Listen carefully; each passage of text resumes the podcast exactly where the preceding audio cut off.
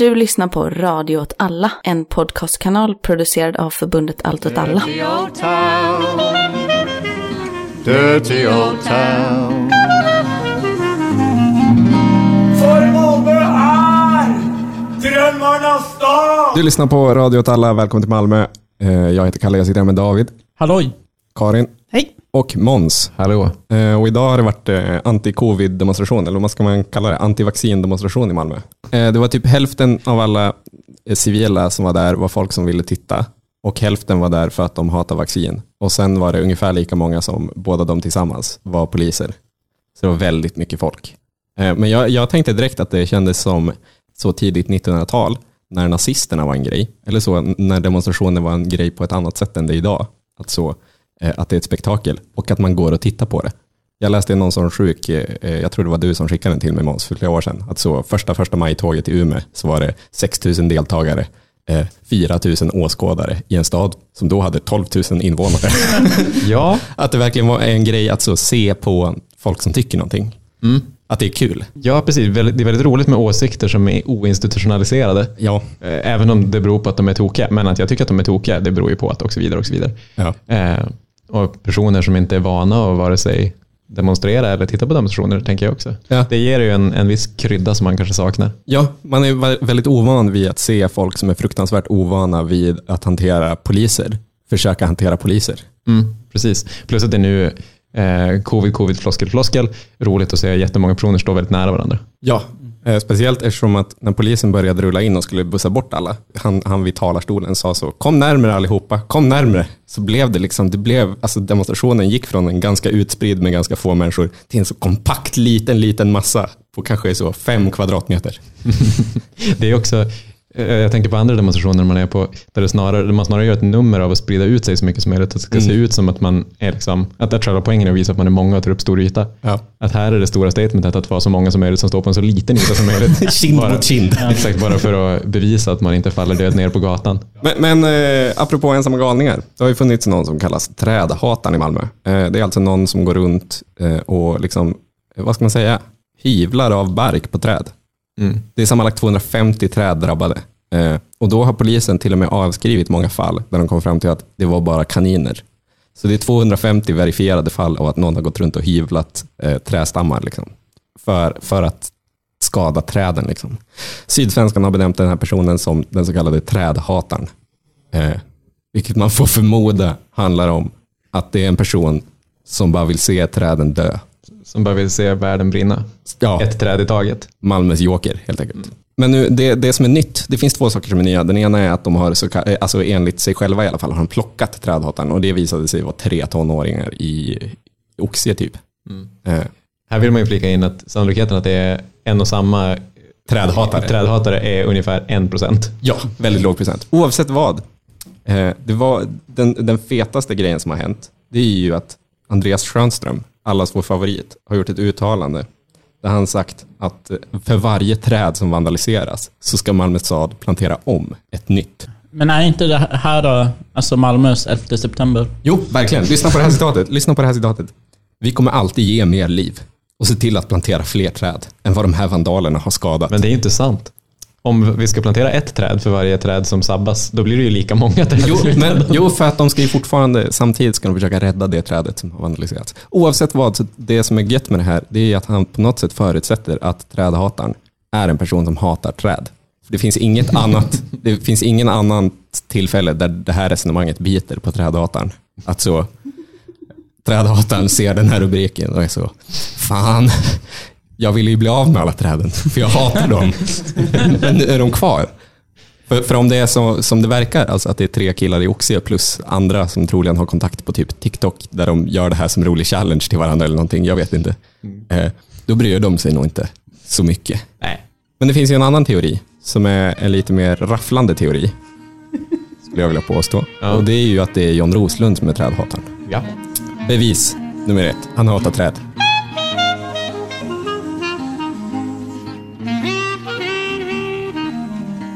Men för att ge en liten bild, en, en mer överblicksbild av eh, hur ett kommunfullmäktigemöte kan eh, se ut och vilka frågor som avhandlas. Ja.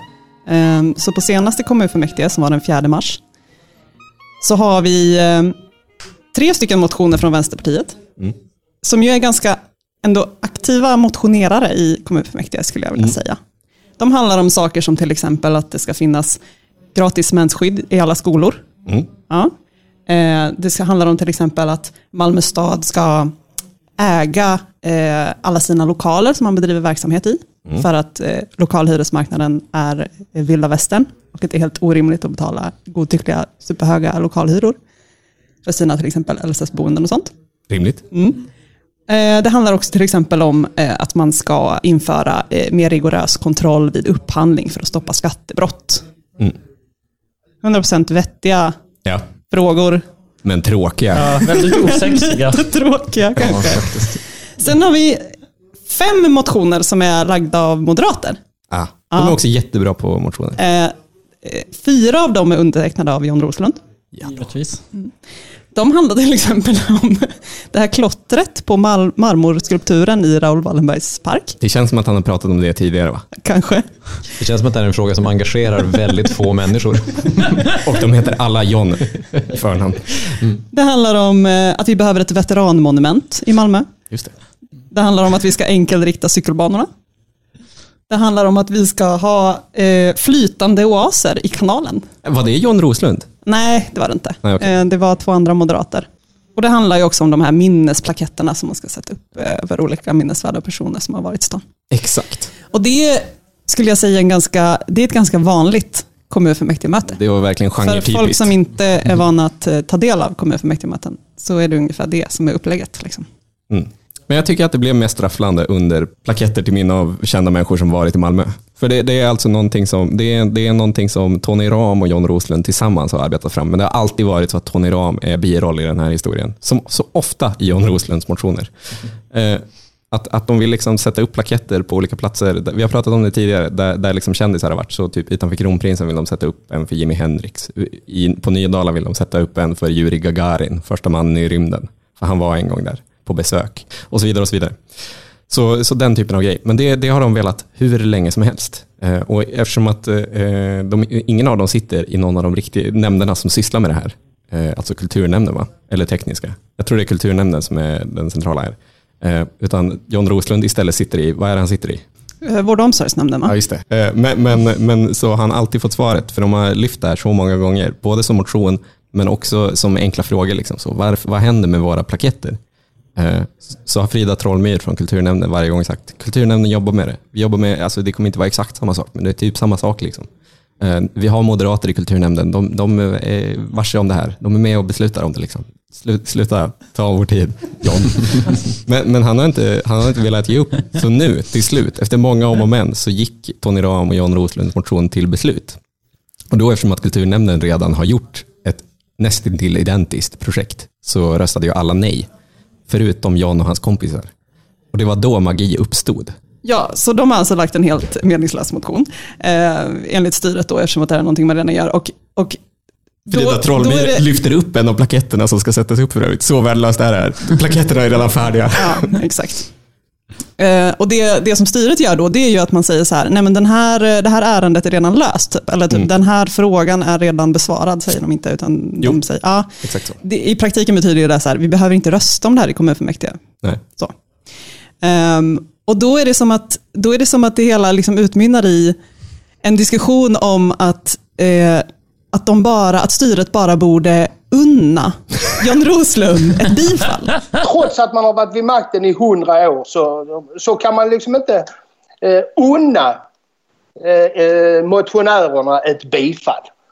För jag tycker det är rätt genant. Alltså för att det är ju, hans motion strider ju inte mot något, alltså det är ju inte som att man har olika åsikter i den här frågan. För att det handlar om minnesplaketter. Ehm, och därför så hade ju styret lika gärna bara kunnat ge honom det. Liksom. Han, han vill bara få en win. Ja, exakt. det. Men det som är så fett är också att han extrapolerade det också ut på annat. Liksom. Han sa, hur många gånger har inte jag och Tony Ram skrivit motioner om saker som Malmö bara glömmer bort att sköta? Så klotter på eh, monument och grejer.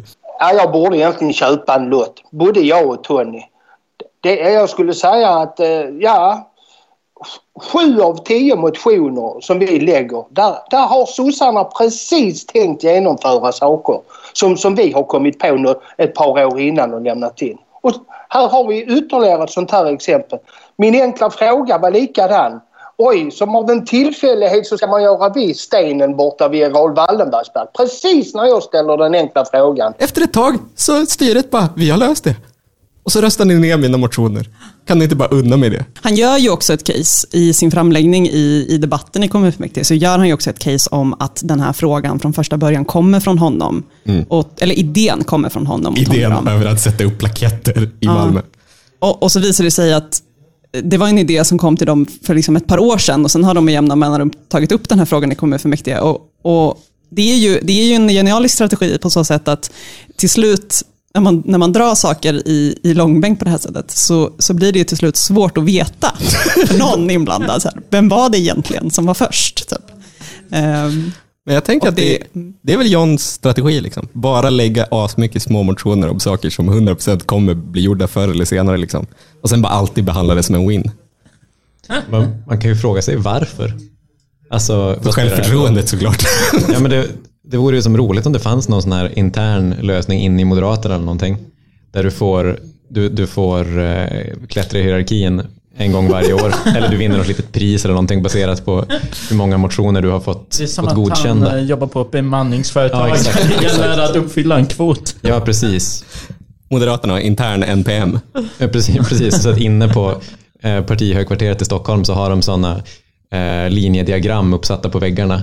Med, så den, den här veckan har vi fått igenom så här många motioner i så här många kommuner. Och månadens kommunalråd.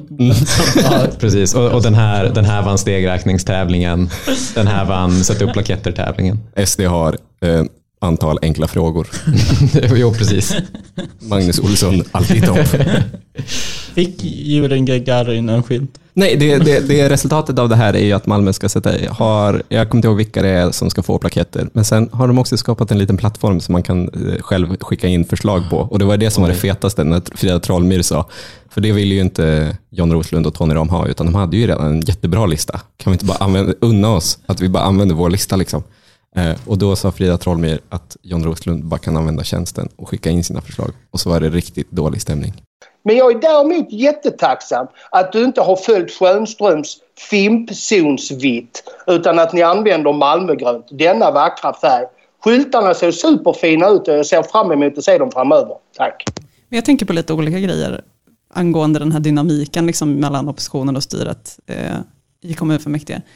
Dels kan man ju lulla åt att, eh, att Jan Roslund i sitt anförande säger, ber styret om att unna honom ett bifall. Men det är ju också lite, det finns en, annan, en av de här andra motionerna som också eh, lyftes på mötet och som eh, Roslund och Tony Ram står bakom, om det här med veteranmonumentet, ytterligare Ja. ett sånt här monument. Fast den här gången inte över kändisar utan över FN-soldater från Malmö. Mm, precis. Det är samma sak där, att den går till den berörda nämnden och nämnden är så här, men det finns redan ett nämndbeslut som vi tog för jättelänge sedan om att vi ska ha ett sånt här monument. Så att den här motionen är liksom redan eh, besvarad, vi behöver inte rösta om den. Ehm, men men eh, Moderaterna, Centern och, och SD eh, yrkar ändå på bifall och tycker att så här, men det är ju, alltså innehållet i motionen unna John, unna går ju i linje med det beslutet som redan har fattats i nämnden. Och då blir det ju ändå på något sätt så här, ja, de hade ju lika gärna bara kunnat bifalla den. Unna jag. Det blir liksom lite tydligare typ i det exemplet, för det är verkligen bara så. Vi borde ha ett veteranmonument. Det borde stå någonstans och se ut på något sätt som är lämpligt. Ja. Men, Eh, och det är exakt det beslutet som redan finns. Ja. Men styret är så här, nej.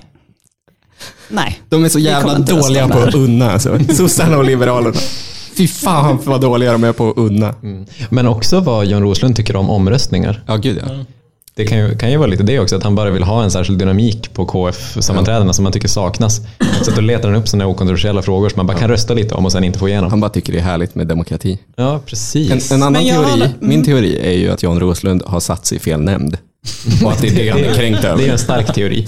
Jag tänker att man också kan ha perspektivet på John Roslund och kanske Moderaterna i allmänhet. Eller, ja, det, är ju, det blir ju som att John Roslunds relation till styret och, och kanske framförallt till Andreas Schanström är ju en, eh, det är ju en, liksom en, blir en nedkokning eller en illustration av eh, det eviga, den eviga högeroppositionen och det eviga sossestyret i Malmö. Det Ja. är ju ett resultat av det, liksom. Ehm, att det är så konstigt. För att jag tänker mig att drivkraften bakom att lägga, att frenetiskt lägga motioner Mm. som man vet inte kommer gå igenom, Mm. ehm, är ju liksom att eh, en, en, en vilja att eh, blotta. Styret för, liksom, som de, som de sossebyråkrater som man tycker att de är. På ett sätt kan man ju tänka så här att men Jon Roslund eh, brinner ju verkligen för Malmö. Liksom. Ja. Och han lägger de här motionerna som ofta är liksom frågor av så teknisk eh, art, typ. och Fast som John han Rosen tänker... älskar illustrerad vetenskap. Ja. Min favorit Som är, är- ju de gånger han har bara varit ute på en promenad. Ja, och, och han identifierar problem och, och, och, och, och kommer med lösningar och, och lägger de här ganska, ibland liksom progressiva eh, idéerna för hur man kan göra stan bättre. Och, och, men det är, kanske inte, det är kanske inte i, i huvudsak för att han älskar Malmö, utan bara för att han hatar sossestyret så Ja, mycket. för, för liksom. det, det var ju det som var hans case om det här med att de borde unna honom. Det var ju att han, han menar ju att han och Tony alltid avslöjar dem. Ja, jag borde egentligen köpa en lott. Både jag och Tony. Alltså, vi, skrev, vi skrev en motion om det här med klottret på den här stenen i Pildammsparken. Andreas Schönström. Vi skrev en motion om det. Och sen, kolla nu, utan att vi fick någon cred så har det tvättats upp av, av din nämnd. Ja men precis. Det är ju, det är ju, dels, det är ju dels att man vill, att man vill eh, ta cred, men, men jag tänker också att, att det är att man tänker att man lägger progressiva förslag som bara skjuts ner för att sossarna är byråkrater och stelbenta och inte vill göra någonting, som, liksom, någonting positivt. Jag tycker att det, att det, det finns något väldigt rimligt där. För det är ju det är ju som på samma sätt också, ja, men som vi var inne på, det här, det här med Sverigedemokraternas enkla frågor. Och det gäller inte bara i Malmö, det gäller ju i alla kommuner. Så har ju S, SDs strategi, som, som har bestämts centralt så vitt jag vet, till deras, deras kommunpolitiker har ju varit att bara bombardera med motioner och frågor som ni vet att ingen kommer bry sig om. Eh, och då gör man det ju dels av den anledningen, att man ska visa att, opposition, att, att eh, majoriteten är emot dem. Men det är, också, det är också ett sätt att kommunicera till sina egna väljare att oavsett om vi är uteslutna nu, så kolla vad mycket vi gör hela tiden. Alltså att, att vi sitter inte och bara liksom sitter ut vår tid eftersom vi ändå inte, in, inte har något utrymme. Liksom. Och sen då och då så får man in de här där man kan säga ja men vi var ju faktiskt först och sen Vi var först med att få bort, vilja få bort klottret från en Ja, sten precis. i Pildammsparken. Precis. Det, jag, jag tycker att den, att den dynamiken också, som jag tror är väldigt vanlig, alltså, som finns i de flesta kommuner, som inte är speciellt så här, där man nästan alltid vet vem som styr. Ehm, den, den, den finns nog på de flesta ställen och det, det får det att kännas så jävla deppigt att vara oppositionspolitiker i kommun. Alltså att, att man bara ska sitta, sitta och göra det här, så här eh, rapa ur sig meningslös fråga på meningslös fråga. Jag tycker att i, i de här, eh, de här moderatmotionerna från, från senaste KF så märks det också att de titt, de, de, det, allt de lägger fram är sådana här pyttefrågor liksom, som bara handlar om utsmyckningar praktiskt taget. Eh, trots att Moderaternas hjärtefrågor inte handlar om utsmyckningar. Nej. Men det är där man känner att ehm, om det hade varit Roslund som var trädhataren, då hade man ändå förstått honom. Ja, absolut. absolut. Mm. Alltså för att tänk, för det är ju det, är det som är så, det är det som blir så intressant med just relationen mellan Jon Roslund och Andreas Stjernström, för att de liksom personifierar den här, den här konflikten. Och att det är, och att det är liksom eh, Roslund, den är, den, alltså att, att vara den personen som bara alltid kommer att få fel. Och alltid kommer vara den som förlorar. Och sen gentemot en person som alltid kommer att få rätt. Har Och ni att den personen dessutom är en sån jävla hjälte när han står i Sydsvenskan och gräver i de här träden och typ öppnar vinterlandet i Folkets park och bara får allt det. Liksom. Ja men till slut orkar man ju inte mer. Liksom. Nej, precis. Och då ryker träden. En annan av eh, Moderaternas motioner på senaste KF eh, handlade ju om flytande oaser. Just det. Vi stängde ju av då. Du och jag såg KF ihop. Ja. Men fortsatte du titta när jag Nej, gick? jag Alltså? tittade inte men jag öppnade, jag blev ändå nyfiken ehm, av, av rubriken så jag öppnade motionen och läste den. Mm. Ehm, och den inleds med det här påståendet. Mer än halva Malmö består av vatten. Det är inte sant. Var- Det var det jag också tänkte när jag läste det. det Man bara- nej, det är ju inte sant. Sen slog det mig att jag tror att kommungränsen strikt sett går ganska långt ute i Öresund. Va? Eh, Så att det kan nog stämma Om man räknar yta liksom. Ja, ja, jo, i och Vilket vad skulle man annars räkna? brukar man säga? Två sjömil eller något sånt? Brukar. Ut från När kusten. brukar Ja, men det? alltså att um, Sveriges Vad är en eh, sjömil? gräns går ju liksom typ två sjömil utanför. Ja, men jag har ändå kollat Och- på kommungränsen många gånger. Det är en bit ut liksom. Så att ja, det är Ja. säkert två sjömil. Jag tänkte först att det var att de hade råkat ta, missta alltså, mängden vatten vi har i vår kropp med... Jag, tänkte ju säga det, att människan består ju till väldigt stor del av vatten. Så att om man räknar kubik. Och har ni sett Möllevångstorget precis efter marknaden stängt? Va? Det är gurka överallt. Ja, ja. Sen fortsätter man ju och eh, beskriver hur eh, eh, Malmös, Malmös vatten är liksom underutnyttjat och att det är, det är jätteviktiga platser och stränderna är bra mötesplatser och, och, sådär. Eh, och också konstaterar man att Malmö i dagsläget har 22 pontoner i sin ägo som lätt hade kunnat omvandlas till små flytande öar i Malmös kanalrum och längs kusten. Ja. Sant. Det, eh, och, sen, och då var det som att jag bara, men det här låter jättespännande. Ja. Eh, sen är det ju, det, frågan går ju, den blir remitterad då till tekniska nämnden. Ja, som ju Det här alla önskar att de satt. eh, konstaterar att eh, arbete med att tillgängliggöra eh, Malmös kanalrum eh, redan pågår. Classic. Ja, och, och, och, och dessutom att de här 22 pontonerna, jag vet inte vad en ponton är, men det är typ en flotte. Eller? Ja. Eh, De är liksom inte brukbara för den här frigolitflytgrejen håller på att ramla sönder och Ja, det skulle liksom inte funka rent tekniskt och sådär och, och jada jada och tråk, tråk byråkrat. Hatar tekniska Ja, nämnden, att de alltid ska alltså. hänga upp sig på tekniska detaljer. Men det är också för att tekniska nämnden bara vill kunna credda sig själva efteråt och inte Jon Roslund. När de, de Men då blir ju, med så det det faller "Oj, ju vi har 22 platt på tåg." liksom. Frågan är redan, eller ärendet anses liksom löst redan och det blir nog ingen eh, jag vet, kommer inte ihåg, det kan vara så att de faktiskt, eh, att de faktiskt röstar ner motionen. Ehm, Men i alla fall, alltså jag bara, jag bara, hade det inte varit asfett? Jo, jag har Att drivit ha- det caset det är innan. ju alltså, det är ju alltså, det de föreslår är ju alltså att man ska bygga en skärgård Mm. utanför Malmö.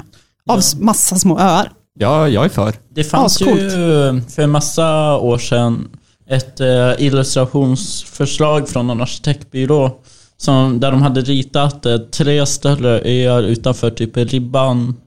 Eller, ja, fast då var det ju mer som en stadsdel. Jag kan bara se framför mig att det kommer komma en miljard tärnor och lägga ägg på de här. och sen kommer man vara tvungen att gå med käpp och veva i luften så fort man är inom 200 meter från kustlinjen. Jag tycker också jag det, påmin- det. Mm. det, det påminner också mig om när Percy Nilsson och hans favoritarkitekt Eh, Gert Wingård eh, tillsammans tog fram ett förslag om att göra en slalomanläggning i kalkbrottet. Kalkebrottet. Fan vad fett. Det Jag tänker att vi behöver mer sådana supermodernistiska eh, besegra naturen-projekt. Ja, Alla I, I Kalkebrottets fall besegra små grodor. Men också, också besegra ens egen överlevnadsdrift genom att anlägga fyra slalombackar som slutar på samma ställe. Jag tror, jag gissar att det inte var så. Det var ju en nyhet eh, nu häromveckan att Köpenhamn ska bygga en jätte, jättestor ö. Just det, och så det. var alla förutom ut i- Köpenhamn jättearga på det. Och någon från Länsstyrelsen Så fick sitta i alla, det var ju verkligen Alltså som att Sy- Sydsvenskan framade det som att Skåne är orolig. Mm. Eller något. Alltså Skåne som blev då en person. En, en stackars Det tjänsteman på visade sig, det var bara en tjänsteman på Länsstyrelsen som var så, det här är antagligen inte alls bra. Så det är antagligen inte alls bra om man tänker på typ vattnet och sånt. Alltså, jag vet inte vad det var. Jo, men det var nog att det var att tanken är att man bara ska dumpa. Jo, det är ju ett sätt att bli av med jättemycket jordmassor som blir över när man bygger grejer. Typ.